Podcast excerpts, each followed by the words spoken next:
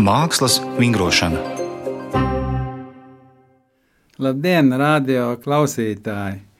Šodien eh, mākslas vingrošanas ietveros runāšu es, Kaspars Zariņš, un manas viesņas ir Elīna Brasliņa un Rūta Briede.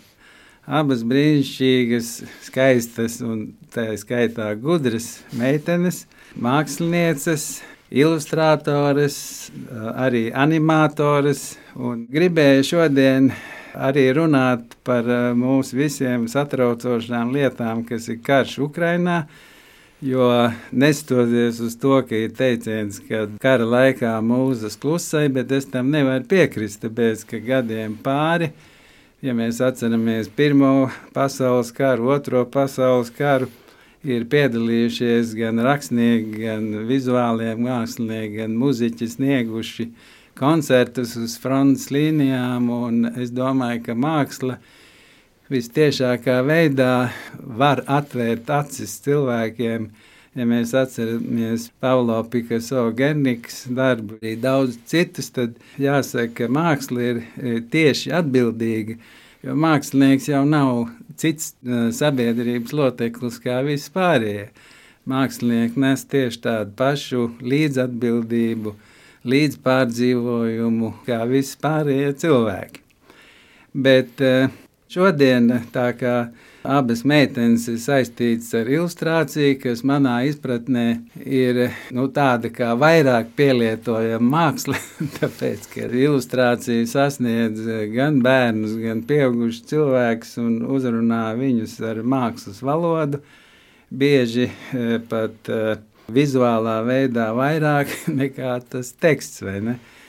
Un tāpēc varbūt sāksim ar Elīnu Brasliņu pastāstīja par savu līdzinējo darbību. Es zinu, ka tu esi ilustrējis kādas 20 grāmatas, un tev ir arī animatoris pieredze saistībā ar Edmundu Jansonu un Jēkabu. Jēkabs Mimija runājošais un tieši tā, jā, jā.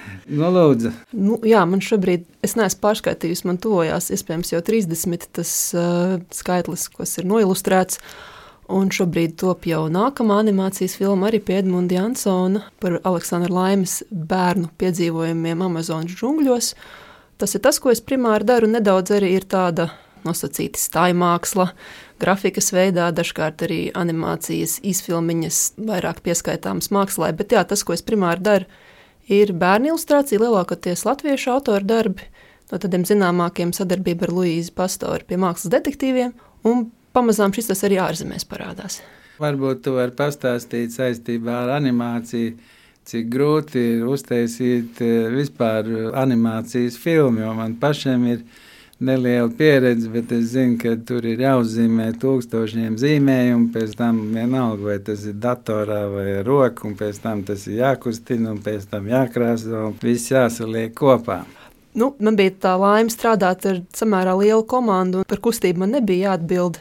Tur bija arī atsevišķi animators, tad bija animatora asistenti, kas to kustības daļu darīja. Es darīju visu, kas nekustās. Es zīmēju tēlu dizainu, sagatavoju šos tēlus digitālajai, aplikatīvajai animācijai, tad es zīmēju fonus, gandrīz visus. Strādāju digitāli, un tie faili beigās bija tūkstošos. Tā sanāca. Nu jā, lai cilvēki zinātu, ir mākslinieks, kas rada to pamattēls, vai mm. ne? Un tad ir brigāde vesela, mhm. kas mm piešķir viņām kustības. Un uh, tad ir tie sauktie foni, jeb uh, apkārtējā vide, mm ko arī rada mākslinieks. Rūta, tagad tu varētu piesaistīties un arī pastāstīt par savu pieredzi, jo es zinu, ka tu esi piedalījusies izdevniecības liels un mazs uh, Biki Buka grāmatiņās kas ir simts, ja nemaldos. Ja? 101. 101 jā. Es arī esmu vienu no viņiem izveidojis. Un uh, izstāst lūdzu savu pieredzi par ilustrāciju un arī animāciju. Ja? Nē, ar animāciju man nav, man uh, ar scenogrāfiju. Ar scenogrāfiju. Ir, uh, man jāsaka, ka man ir divi darbības lauki. Viens ir tā mana māksla, kur es radu pati savus stāstus un, un ilustrācijas, un otrs lauks ir tāds sabiedriskais lauks, kur es gan cenšos strādāt, lai Latvijas ilustrāciju iznestu pasaulē, gan arī es mācu Latvijas Mākslas akadēmijā studentiem ilustrāciju. Un tas ir darbs, kas ļoti bieži pārņem to manu mākslas pusi, jo man šķiet, un arī šodien, varbūt kā vēl nekad, kad es skatos, kad studenti liek zīmējumus saistībā ar karu Ukrainā, man šķiet, ka tas darbs ir tik ārkārtīgi būtisks, lai mums būtu vispār tā iespēja zīmēt un lai mums būtu vispār tā iespēja izteikties, tad mums ļoti svarīgi ir katram māksliniekam izdarīt ne tikai to savu mākslas daļu, bet arī to, to savu sabiedrisko daļu. Bet, protams, ir eh, jautājums eh, labs par līdzsvaru, kuru man droši vien gribētos eh, varbūt vairāk stabilizēt uz to mākslas pusi, bet tā ir liela cīņa.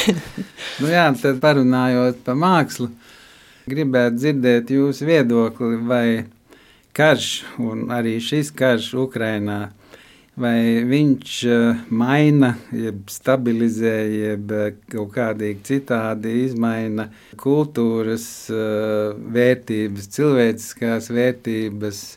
Vai karš, lai cik tas briesmīgi arī neizklausītos, vai viņš kristalizē, nu, kā teikt, identificē vairāk šīs vispār cilvēciskās vērtības, tā skaitā mākslā? Es teiktu, ka kopš 24. februāra dzīve ir izmainījusies pilnībā, ir nobrucis manā personīgajā arī uzskatā par mākslu. Ir mainījies viss, ir mainījusies mana attieksme pret pasauli un pret to, kā man ir jārunā, kā māksliniekam, kā man ir jārunā ar cilvēkiem. Un, uh, ir ļoti grūti šajos apstākļos, protams, atrast to īsto valodu, bet tas, par ko es esmu domājusi, ir tas, ka tas piemērs, kad latvieši cēlās uz Gotlandi pāri ar, ar laivām, un viņas bija tik ļoti pārpildītas, ka cilvēkiem bija jāatvadās. Jā, cilvēkiem jāatvadās no savām mantām, lai viņi izdzīvotu. Un, uh, tā ir tā viena puse, tā ir tā materiālā puse, ko mēs šobrīd varam darīt. Bet tad tas otrs jautājums ir, ko tas nozīmē garīgi. No kā mums ir garīgi jāatsakās tagad, kas ir tas balasts, kas Jā, mums kas traucē? Tad ir tai mākslas valodai tā jēga būt nonākt pie maksimālas tīrības. Uh, mākslas atkailmāta vārda, jeb zīmējuma, nometot liekus tos sārņus, ko ir izveidojusi pārticība savā veidā un arī tāda nu, pārlieka koncentrēšanās uz sevi un liekvārdība. Jo tas, ko, ko es sapratu, ka es īsti vairs nevaru pārdabūt vārdus pār lūpām, jo arī mākslas valodā ļoti grūti šie vārdi nāk. Tāpēc tas lielais jautājums ir par to, ko šie mani vārdi šajā momentā palīdzēs. Un ka es nevaru aizpildīt eh, telpu mākslas telpu vai, vai sociālo tīklu telpu ar kaut ko, kam nav nozīmes. Un uh, tas, kur es mēģināju rast, varbūt tādu jēgu un tādu sapratni, es uh, skatos ļoti daudz, ko zīmē ilustratori, Ukrāņu ilustratori, kas arī šobrīd atrodas Ukrajinā. Mums jau šeit eh, vēl mēs esam tajā izvēlē, vai tā tad eh, likt to savu leduskapu pār laivas malu vai nē, bet uh, viņu jautājums jau ir uz dzīvību un nāvi. Un tad, tad skatoties tos viņu zīmējumus, es sapratu, ka vienreiz par visām reizēm man pašai personīgi ir jābeidz domāt par sevi. Man ir jāņem viņu idejas, man ir viņas jāliek sociālajos tīklos, man ir viņas jāsaprot, man ir viņas jāizlaiž caur sevi, caur savu uh, nevis mākslinieku prizmu, bet caur cilvēcisko būtību. Un jāļauj viņām notikt, jāļauj man saprast, manai dvēselē, kas arī, protams, ir nu, gan egoistiska, gan egocentriska, gan visas vis šīs pārējās labās dzīves slimības, kas mums ir, ka man ir jāļauj tām sāpēm caur sevi izplūst, un man ir jābūt uh, tam mēdījam, caur kuru nāk tās viņu idejas, ka man beidzot ir jāklausās citos cilvēkos, tajos, kas mm. tiešām cīnās par pasauli. Varbūt Elīna, šī kara iespējā, piemēram, tu teici, ka tu strādā pie tās jaunās mm. animācijas filmas. Vai šobrīd, teiksim, tu jūti, kā mainās tavs priekšstats, piemēram, par varoņiem, kurus tu zīmē, par viņu izskatu, jeb attēlotām īpašībām, Man drīzāk bija tā sajūta sākumā, ka grūti kaut kā vispār kaut kam pieķerties, jo mēs tieši arī ar Anitu Rupēju sarakstījāmies. Viņa arī saka, viņai jāzīmē kaut kāda puķaina grāmatiņa, ko viņa sen sen bija atlikusi, tas liekas tik absolūti bezjēdzīgi šai brīdī. Man pie šīs filmas strādājot, no vienas puses arī nu, tur jau it kā scenārijs ir nolēmts, tālu dizaini jau tā nostiprinājušies. Un es arī tieši tajā dienā man kaut kādas tur sejas mīmika tur bija jāprecizē, un, un es tā sēžu un domāju, nu, ko es te daru.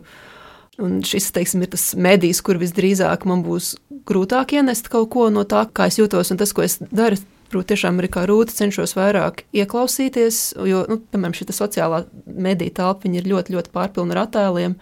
Un šis ir tiešām liekas, tas brīdis, ka nevis iepaustēt tiksim, tā vajadzības pēc vienkārši obligāti šo zilu, zeltainu ilustrāciju, bet padomāt, vai tas ir vērtīgi, kas viņš šobrīd ielieku, varbūt es tiešām varu paskatīties, kas notiek apkārt, padomāt, kā es jūtos, un tad, kad es esmu gatava teikt kaut ko, kas ir jau nobriedis. Un, bet tikmēr te pašā laikā arī nu, dzīve, diemžēl, neapstājās. Un šīs arī puķainās grāmatiņas kaut kādā ziņā varbūt kaut kam kalpo, jo, kā teica Aija Bremšmit, kurai ir raidieraksts piedzīvot lapus, vecāki, protams, ir eh, nobijušies un ir karš un tā, bet tas bērns katru vakaru gaida to pasaku. Un viņš varbūt ir gatavs tai pasakai par karu, bet varbūt viņš tajā brīdī nav gatavs domāt, un viņam noder arī kaut kāds izbēgšanas ceļš. Teiksim, jūs abas esat eh, pietiekoši jaunas, vai jūs gluži atceraties tos uh, padomu laiks uz beigām, kad tā impērija bruka. yeah. Vai jūs atceraties to tukšumu, to cilvēku, varbūt vienaldzību pret dzīvi dažbrīd? Vispār šī e, saskarsme ar, ar kara apstākļiem, tas, protams, ir kaut kas e, jauns. Teiksim. Es arī personiski neesmu piedzīvojis karu pats, vai ne? Es pat neesmu dienējis padomu armijā. Bet e, katrā ziņā es domāju, ka karš jebkurā veidā eh, iespējams attīrīs to pasauli no sārņiem. Jo kara laikā, nu, kā jau saka, maize garšo pēc maizes, un, un, un šnabis ir šnabis, un sieviete un vīrietis ir tie, kas viņi ir. Un uh, nedod Dievs, kad uh, tas attīstās tālāk. Bet uh, vēl mēs varētu parunāt, cik es esmu skatījies, piemēram, animācijas un arī grāmatu ilustrācijas, vai jūs uzskatiet, ka eksistē sava veida mode mākslā? Vai tie animācijas tēli, jo es zinu, ka daudzas lietas tiek darītas uz datora, ka tā tehniskā puse liek tos tēlus zīmēt, ja izteiksmes tā, kā viņi zīmē tagad, jo, ja mēs salīdzinām, piemēram, Disneja laiku, ar mūsdienu to Cartoon Network, jo vispār tās filmiņas, ko taisa un ko var redzēt starptautiski un bērnu kanālos, vispār ir sadismu esence. Jo īstenībā, manuprāt, tas ir vislielākā nežēlība tur tiek atainot. Ko jūs par to sakiet? Nu, moda, protams, tāda, mēs varētu teikt, trendi. Viņi eksistē ilustrācijā, tāpat kā jebkurā, arī mākslā viņi eksistē. Ko tad mēs eh, tagad taisām un, un kas ir tas, kas visiem patīk?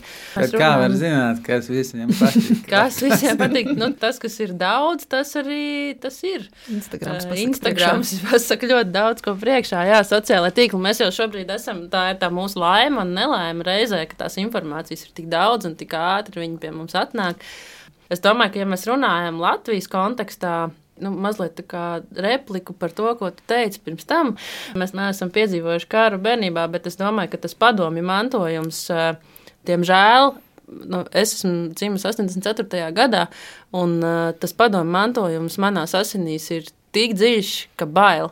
Un bailes uh, ir tā kā tāds, uh, saku, tāds padomju termometrs, tas dzīvesudrabs, viņš vienkārši tur ir. Un tas ir tas, uh, ko ir svarīgi saprast, ka, ja mēs gribam būt brīvi pilsoņi, mums tā arī ir jāizturās. Un brīvs pilsonis neizturās ar bailēm. Un, ja mēs runājam kontekstā ar trendiem, tad uh, tur ir tieši tas pats, ka, ja tu gribi radīt uh, kaut ko, kas ir nozīmīgs, tad tu nevari baidīties no tā, kas ir populārs. Tu nevari baidīties.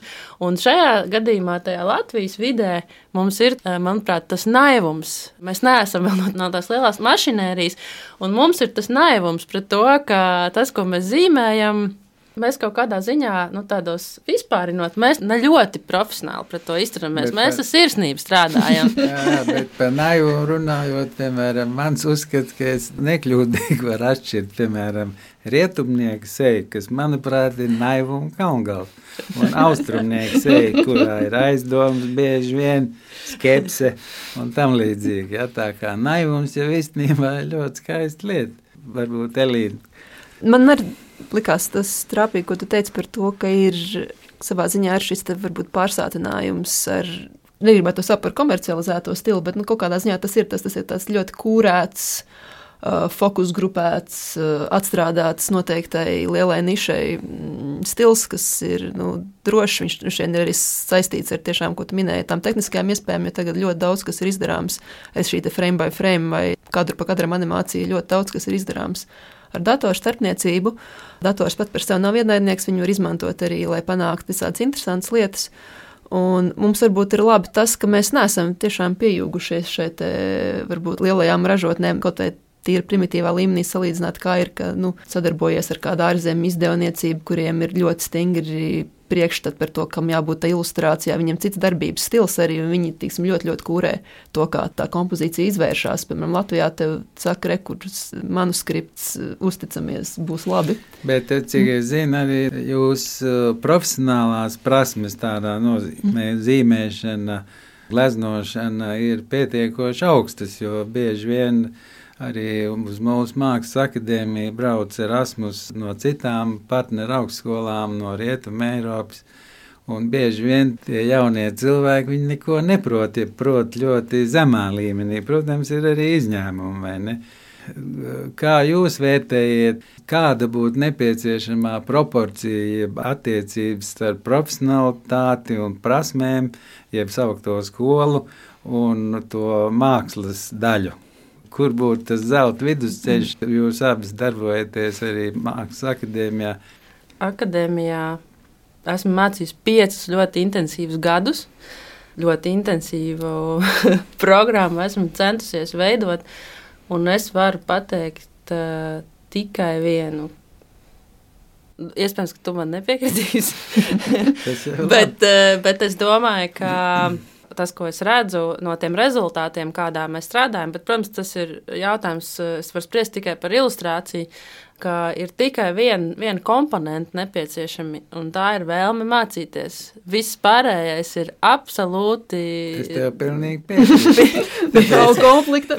pilnīgi, pilnīgi nenozīmīgs. Tas, kāda ir viņa iepriekšējā spēja. Te uzreiz es ielīšu otru jautājumu. Kādā veidā jūs sevi motivējat vispār nodarboties ar mākslu, un kā jūs variet pateikt tam studentam, nu, kuram, piemēram, varbūt nav naudas, nav kur dzīvot, ja ir slikti, kur dzīvot, kur var ņemt to motivāciju, nodarboties ar savā veidā nedrošu lietu, tev ir mīna rokās. Tā ir māksla, ne? savā veidā. Nu, tas ir ar to mīnu rokās, ir sarežģīti. Es arī, cik es runāju ar cilvēkiem, studentiem, mēģinu atklāt, teikt, kādas ir profesijā, kādi ir tie zemūdens akmeņi, kas ir tas, ko varbūt nāksies norīt vai pie kā nāksies piestrādāt. Bet tas, ko Rūta minēja, nu, ja tu gribi, tu atradīsi iespēju, tur, tur, tur nav vienkārši variantu. Un, un, un nu, vienkārši tiešām ir jābūt šai gribai, gribai darīt šo darbu, un ja ir tikko ir kaut kāda nedrošība, man šķiet, un tāda nepārliecība par to, vai tas, ko es daru, kaut kādā ziņā ir vērtīgs vai kādam vajadzīgs, un, un man tas sanāk, tad tas nu, arī atspoguļojās, un to ir grūti noslēpt. Par to vispār nav vērts domāt, mm. vai tas ir vērtīgi. Mm. Jo es neatceros, kurš man to teica no maniem pasniedzējiem. Iespējams, ka tas bija Naumovs par to, ka tikai tu vari izstāstīt savu stāstu. Mm -hmm. Neviens cits nevar to izdarīt. Pat ja tev liekas, ka tas otrs ir labāks, bet tikai tu vari izstāstīt savu stāstu. Tā ir mana iekšējā motivācija, jo es, starp citu, neesmu no tiem veikliem zīmētājiem. Elīna ir, es galīgi nē. un man katrs mans darbs, kas ir bijis tāds lielāks, kas ir nu, grāmatu ilustrācija vai leļu teātra izrāde, tas man nāk ar... Lēles arī? Es zīmēju lēles. Jā. Jā, man ir vairākas scenogrāfijas kopā ar Edgars Kaufeldu leļu teātrī. Un, uh, tas viss nāk ar lielu piespiešanos, bet tā mana motivācija ir tāda, ka tikai es varu uztaisīt to stāstu, un tikai es viņu pat, ja teiksim, man šķiet, ka varbūt Elīna labāk viņu uzzīmēs. Tā realitāte ir tāda, ka mums ir jāsaprot, ka mākslinieka jēga ir šī cīņa par savu vārdu un, mm. un ar sevi par, par savu domu un par savu ideju, kas, protams, ir arī šajā politiskajā kontekstā ļoti līdzvērtīgs tautas cīņai par, par savu vārdu vai par savu brīvību. Tas jau ir tas, ko tas mākslinieks iemieso. Mums jau daudziem ir eh, tās idejas eh, dažādās jomās. Arī man jau ir idejas nezinu, par politiku vai par, vai par sportu vai par vai ko. Par es, jā, par apmācību sistēmu. Tur es viņus realizēju, bet, nu, piemēram, sportā varbūt es viņus tik, tik grandiozi nerealizēju. Par ko tu sporto?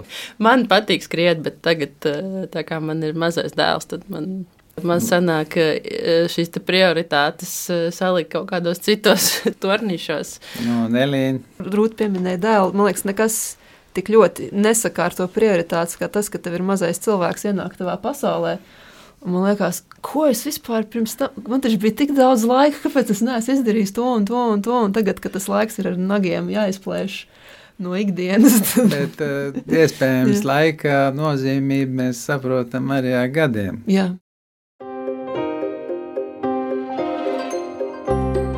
Sarunas par vizuālo mākslas vingrošanu. Šodien mēs runājam par ilustrāciju, runājam par karu Ukrajinā un mākslinieka vietu šajos neparastos apstākļos. Mūsu sarunbiedrenes ir Rūta Briede un Elīna Brasliņa. Es kā vienmēr gribu uzdot jautājumus, kas būtu nepieciešams latviešu māksliniekam, lai viņš attīstītos vairāk, ja sasniegtu kaut kādu starptautisku atpazīstamību. Man liekas, jāsāk ar to, ka tu neej ar mērķi sasniegt starptautisku atpazīstamību, bet dari tiešām to, kas tev ir. Tev ir interesanti, skaties uz citiem tādā ziņā iedvesmojoties, bet centies nesalīdzināt. Tas, ko Rūta teica, stāsta savu stāstu, man liekas, liels piemērs tikko no Boloņas balvu ieguva Luisas Pastors Nevijas Pintānas kopdarbs. Ļoti augstu prestižu. Viņas noteikti negāja ar domu, o mēs tagad uzvarēsim Boloņas konkursā. Nē, viņas vienkārši satikās divi cilvēki, lieliska sinerģija notika. Un, Tur vēl Artis Briedis. Un Artis Briedis pie dizaina, trešais sinerģists. un es nedomāju, ka viņi gāja ar domu, o mēs tagad pierādīsim, ka mēs esam inovatīvi, bet viņi dabūja inovācijā, teiksim, mm -hmm. inovatīvu dizainu un, un, un grāmatu balvu. Man sanāk, protams, atkārtoties, bet es tiešām domāju, ka viss sākas ar individu, viss sākas ar individuālu mākslinieku lēmumu, ka viņš ir tiesīgs šajā sabiedrībā atrasties, ka tur ir viņa vieta. Ka uh, tev nav jāšaubās par to, ka tu esi kaut kādā Eiropas uh, nostūrī. Uh, es esmu daudz apmeklējis Boloņas bērnu grāmatu tirgu Protams, ka nav tā, ka katrs otrais zina, kur ir Latvija, bet tad, kad iznāca Anētas Melets grāmata Kiosks, tad viss tirgus tajā dienā zināja, kur ir Latvija. no vai māksliniekiem būtu vairāk jābrauc uz startautiskām rezidencēm, jeb mākslinieku nometnēm? lai saprastu to starptautisko pieprasījumu, jeb tirgu, jeb, nu, lai cik stulbi arī tas neskanētu, bet vai būtu vairāk tas jādara? Tas nemaz nav stulbi. To pierāda arī nu, mūsu pirmās brīvvalsts uh, laikā, cik daudz tika māksliniekiem dot stipendijas, lai viņi dotos uh, uz, uh, uz Eiropu. To jau droši vien pats daudz labāk zina nekā es. Bet nu, tīri no tādas Latvijas ilustrācijas pieredzes man ir bijis tas gods būt tajā vēsturiskajā brīdī, kad mēs sākām braukt uz Boloņas tirgu, būt tajā vietā. Un, uh, tie secinājumi, ko es tur izdarīju, es domāju, ka viņi ir palīdzējuši attīstīt eh, kaut kādas nozares, un, piemēram, bilžu grāmatu nozari. Nu, man tas bija liels vispār atklājums, tas, ko es tur redzēju.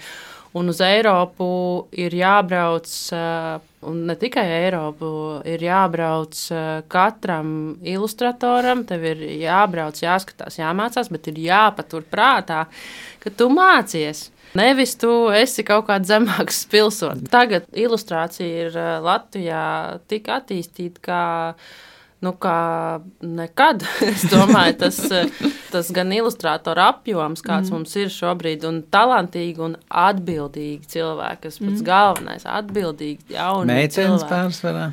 Ne tikai, Bet arī. ne tikai, bet arī, bet tur, man liekas, arī nav tāda īpaša uh, nozīme, vai tur ir meitenes vai puiši. uh, Galvenais ir tā, tā spēja Bet ka- strādāt. Vai jūs varat izskaidrot to fenomenu, kāpēc tieši meitenes pašlaik tik ļoti mācās mākslas? Jo akadēmijā jau kāda 80% man liekas, meitenes mācās. Es domāju, ka tas ir saistīts ar to pašu labo dzīvi. Uh, Māksla ir ļoti grūts darbs. Tas ir ļoti grūts darbs, un uh, ir daudzi vienkāršāki veidi, kā nopelnīt naudu, kā izveidot karjeru. Un Bet mākslas ir Vērpēs viņam to teica. Edgars Vērpēs, ziniet, ka ja māksla būtu grūta, viņš nebūtu sācis. Varbūt vajag sākt tieši ar to naivumu, ka tev liekas, ka tas taču ir forši, un tad tu atopies, un tu esi pārāk dziļi iekšā un vairs netiec ārā. Un kas joprojām ir tas, kas cilvēks pievelk grāmatā? Nu, pirmkārt, jau droši vien tās taktilās sajūtas, ka tu turi rokās grāmatu un tu viņai ej cauri. Tu skaties, ā, kā tevi dizainers ved, kā tevi autors ved, kā tevi ilustrators ved. Tas ir tāds unikāls piedzīvojums. To īsti ne ar ko citu nevar aizvietot. Ā, Ir jau bijis daudz, ā, nu, tad, kad radās teiksim, digitālās grāmatas, likās, ka nu, tās ir beigas grāmatniecībai. Bet tas nekad tā nebūs. Jo, jo mani abi bērni ir piemēram uzauguši ar grāmatām. Un, ā, Un viņu tā vēlme pēc grāmatām ir nu, vienkārši neizsmeļama. Vienkārši neizsmeļama. Tas ir tāds uh, process, kurā atšķirībā no tā digitālā formāta tu piedalies, tu esi dalībnieks. Tu neesi tāds trūls vērotājs no malas. Tu šķirsti, tu vari regulēt, tu vari lasīt tumsā, tu vari lasīt gaismā, tu vari Tumsā? lasīt ar luktu. Nu, jā, ar lukturīti. Zem sagas tas jau ir eh, taču gandrīz katra bērnības mīļākais stāsts par lasīšanu zem sagas. Nu, ko tu novēlētu tiem latviešu māksliniekiem? Es novēlētu teikt svarīgas lietas. Es novēlētu dzirdēt citu mākslinieku mākslu, nevis kā pret konkurentiem izturēties, bet kā pret saviem līdzcilvēkiem. No visas sirds izbaudīt uh, to, ko saka tavi kolēģi, ar lielu mīlestību. Un priecāties Un- par viņu sasniegumiem. Un priecāties par viņu sasniegumiem, un uh, darīt visu, lai tavs kolēģis un lai tu varētu strādāt brīvā zemē. Un ko jūs novēlētu skatītājiem? Ai, miers ar jums. To saka beidzamā Jā, to saka. Mēs novēlam izturēties kā brīviem pilsoņiem, lasīt grāmatas un atcerēties, ka mūsu valsts pamats ir katrs no mums un mūsu attieksme pret to. Vai jūs būtu gatavs ar dakšām iet kaujā? Nē, jo man ir bērni, kuri man ir jāsargā, par kuriem man ir jārūpējas, bet uh, mans ierocis uh, būs mana pārliecība, ka brīvība ir daļa no mums visiem. Elīte, vai tu būtu gatava, nestoties uz to, ka tev arī ir bērni, un kas ir ļoti labi un cerams būs vēl, vai tu būtu gatava aizstāvēties ar kailām rokām, jeb ar dakšām pret ienaidnieku? Tiešām brīdis, kad ir savs bērns, jāpasargā, tad es nešaubīgi tas būtu tas, kas ir jādara. Bet proaktīvi kaut kur doties, kuras vairāk varbūt traucēja nekā izdara labu, tas to nē. Bet man tāpat kā rūtē, es domāju, ir citi, ir citi ieroči, ar kuriem arī cīnīties. Un tā pati māksla pareizajā brīdī, pareizi lietot, arī var būt ierocis vai līdzeklis. Un arī neuztraucies cilvēks ir ļoti labs palīgs krīzes Jā. situācijā Tīri galva un skaidrs domas un drosme. un drosme. Tad liksim šos spēku avotus pretī ļaunumam un cerēsim, ka ļaunums drīz atkāpsies. Un jūs varēsiet skaisti atkal zīmēt grāmatiņas, jo jūs arī to dariet pašlaik. Paldies jums liels par piedalīšanos un novēlu visas veiksmes. Paldies! Paldies! Atbalsta valsts kultūra kapitāla fonds. Šodien raidījumu mākslas vingrošanu vadīja es Kaspars Zariņš, un manas viesņas bija Rūta Briede un Elīna Brasliņa, mākslinieces ilustrātoras. Raidījuma producente ir Inta Pīrāga.